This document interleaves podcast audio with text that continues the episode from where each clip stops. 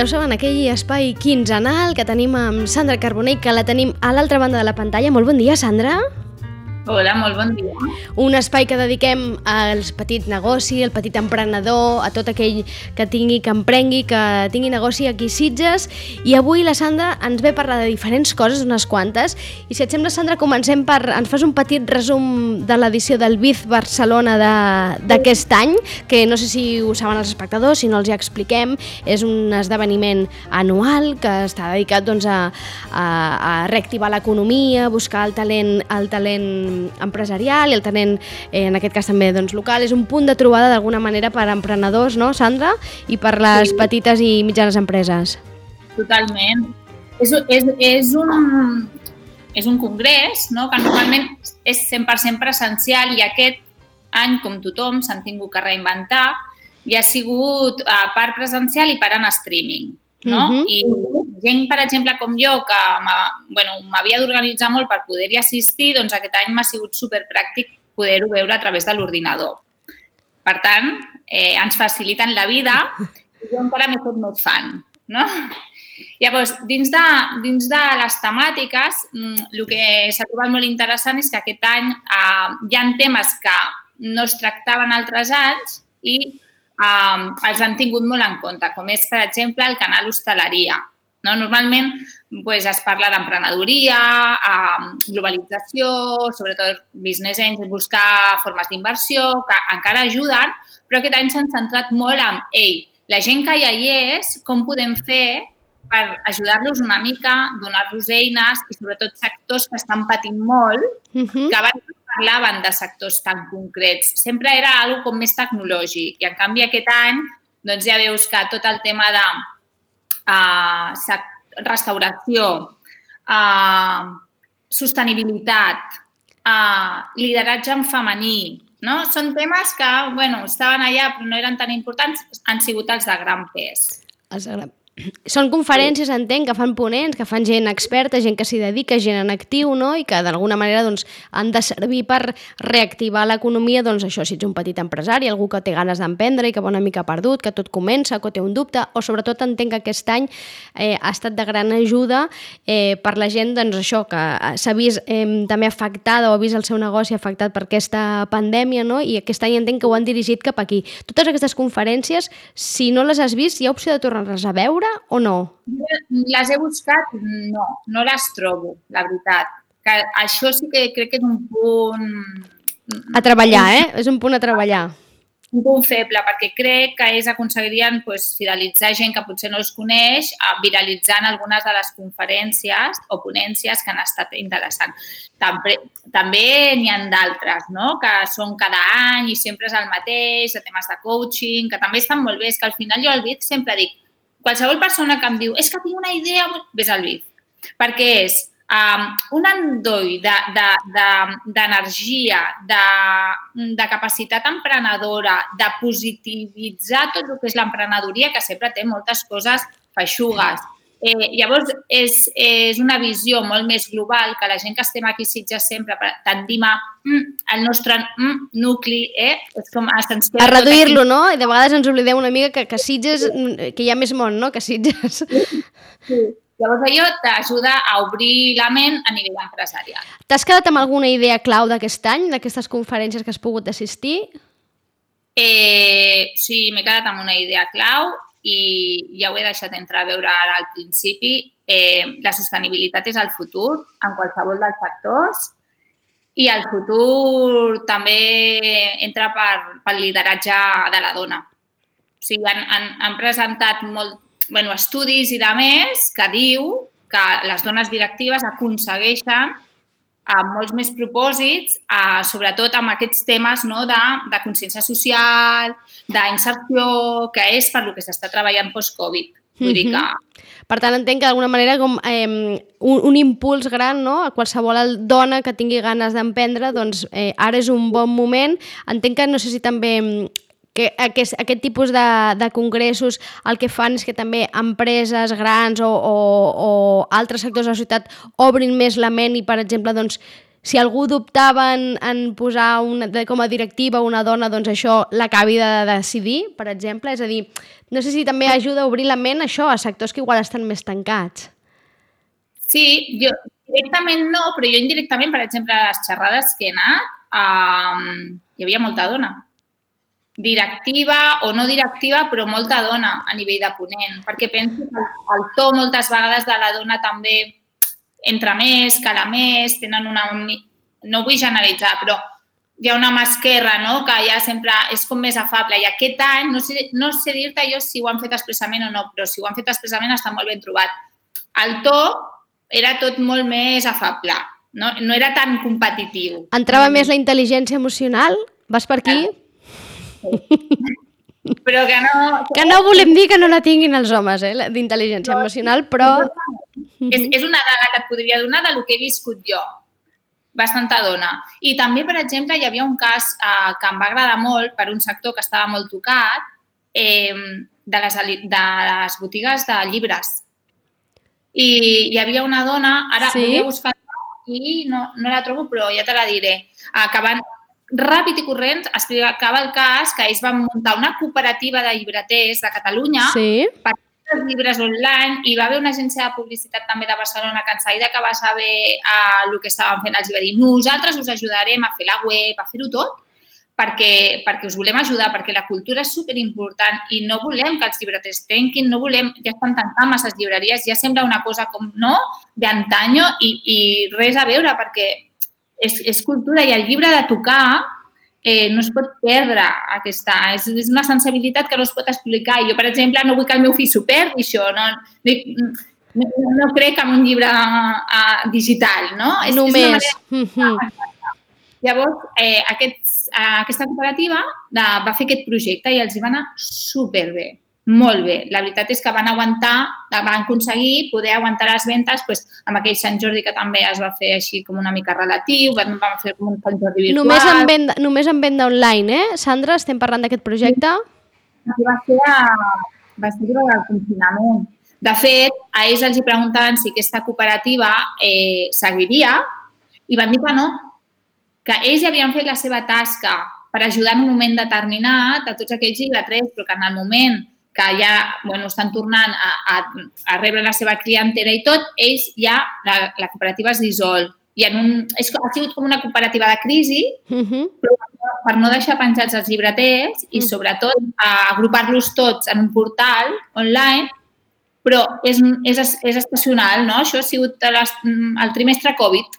Després, ells ja de, tornen a les seves feines, ha sigut el degut totalment altruista, eh? perquè, clar, però ho vaig trobar superinteressant i això està liderat per una dona, ho explicava ella. Doncs ens quedem amb aquests apunts. Ja ho saben, si sou dones i teniu ganes d'emprendre, doncs endavant, eh? I, i tota, tota la força del món perquè ara és el vostre moment. Sandra, anem cap a l'altre tema que havíem pensat en parlar avui perquè eh, la pandèmia també de, mm, està servint de vegades o s'està convertint en alguns casos en oportunitat.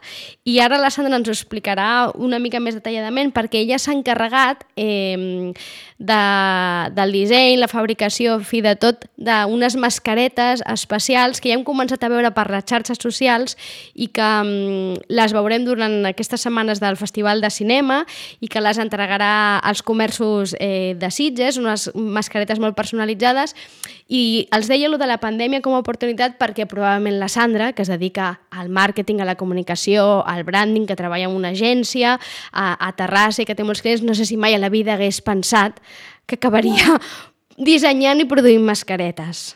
No, la veritat és que, clar, si fa un any em diuen pots dissenyar unes mascaretes? Clar, fa un any, eh, posem-nos a les i els dit una, com unes mascaretes, és que no he entès ni el concepte, no? Però, clar, ara és eh, la mascareta en si, o, o el que sigui en si, estem en un moment que jo em diuen, pots fer? I abans que em diguin el que jo ja dic sí no? Perquè, perquè hem hagut d'aprendre a fer moltes coses en molt pocs mesos. Llavors, tot allò que estigui a l'abast possible de fer o, o, o d'imaginar, doncs s'ha de buscar la manera de fer-ho. I, I la veritat és que és un projecte que, a més, m'ha fet moltíssima il·lusió, perquè primer, que és algo que t'encarrega l'Ajuntament i sempre quan, quan és algo institucional pues, ja ho agafes amb un cert respecte i m'agraden molt les feines que em, em donen respecte. Després, eh, perquè és, eh, va vinculat al cinema fantàstic, no? I jo soc bastant, i he anat molt, els últims anys no, perquè sóc mare, però hi he anat bastant i, i a més a més aquest any, que a mi això ja em va servir d'inspiració, que mm, hi ha un premi honorífic que és el David Lynch. Sí. I jo bastant, Fan. bastant fan del David Lynch. Llavors, uh, al ser un any, al ser un any gris, si li poguéssim posar un color, val? Uh, pensava que s'havien de fer unes mascaretes més enllà de ser terrorífiques o mm, fantàstiques, però amb el sentit més, més gore, no?, que estem acostumats del Mhm. uh -huh. cine. Uh, unes, unes mascaretes atemporals amb una mica de color, que el cine fantàstic s'associa al negre, però amb Sí. una mica de color i amb una mica d'història. Llavors va ser això. Jo més em van proposar fer mm, quatre mascaretes diferents i, i al final jo els vaig dir, mireu, jo em sento més còmode fent una sèrie limitada però d'un sol tema. I d'aquest sol tema doncs, vam dissenyar diferents propostes gràfiques Ah, també hi havia mascaretes de Twin Peaks, d'altres pel·lícules del David Lynch, però les que Promoció Econòmica, que és qui lidera aquest projecte des de l'Ajuntament, eh, va triar són aquestes quatre que han quedat, no? que és la de Mulholland Drive, la de Carretera Perdida, El Hombre Elefante i Blue Velvet. Mhm, que han estat les inspiradores, les pel·lícules inspiradores de pel·lícules de David Lynch per, per fer um, aquestes mascaretes que les uh, donarà el comerç. És a dir, quan el moment en què anem a comprar, no?, ens les donaran. Sí. Això, el funcionament és um, promoció econòmica, jo crec que es posa en contacte d'alguna manera, s'ha posat eh, ja, això ja anem tard, però s'ha posat de, en contacte amb els comerços perquè tots aquells que participin en l'aparador fantàstic, Sí, en el no? concurs, sí. perquè això és una campanya que es diu Comerç Fantàstic. Per Mhm. tant, has de participar com a establiment en el concurs, mmm, posar el teu aparador una mica així amb temàtica fantàstica i també hi ha una gincama infantil. Sí. Doncs tots els establiments que participin en aquestes accions tindran accés a les mascaretes que els hi repartirà l'Ajuntament. Aquests establiments regalaran aquestes mascaretes a qui faci un consum de 20 euros o superior. D'acord, d'acord. Vale?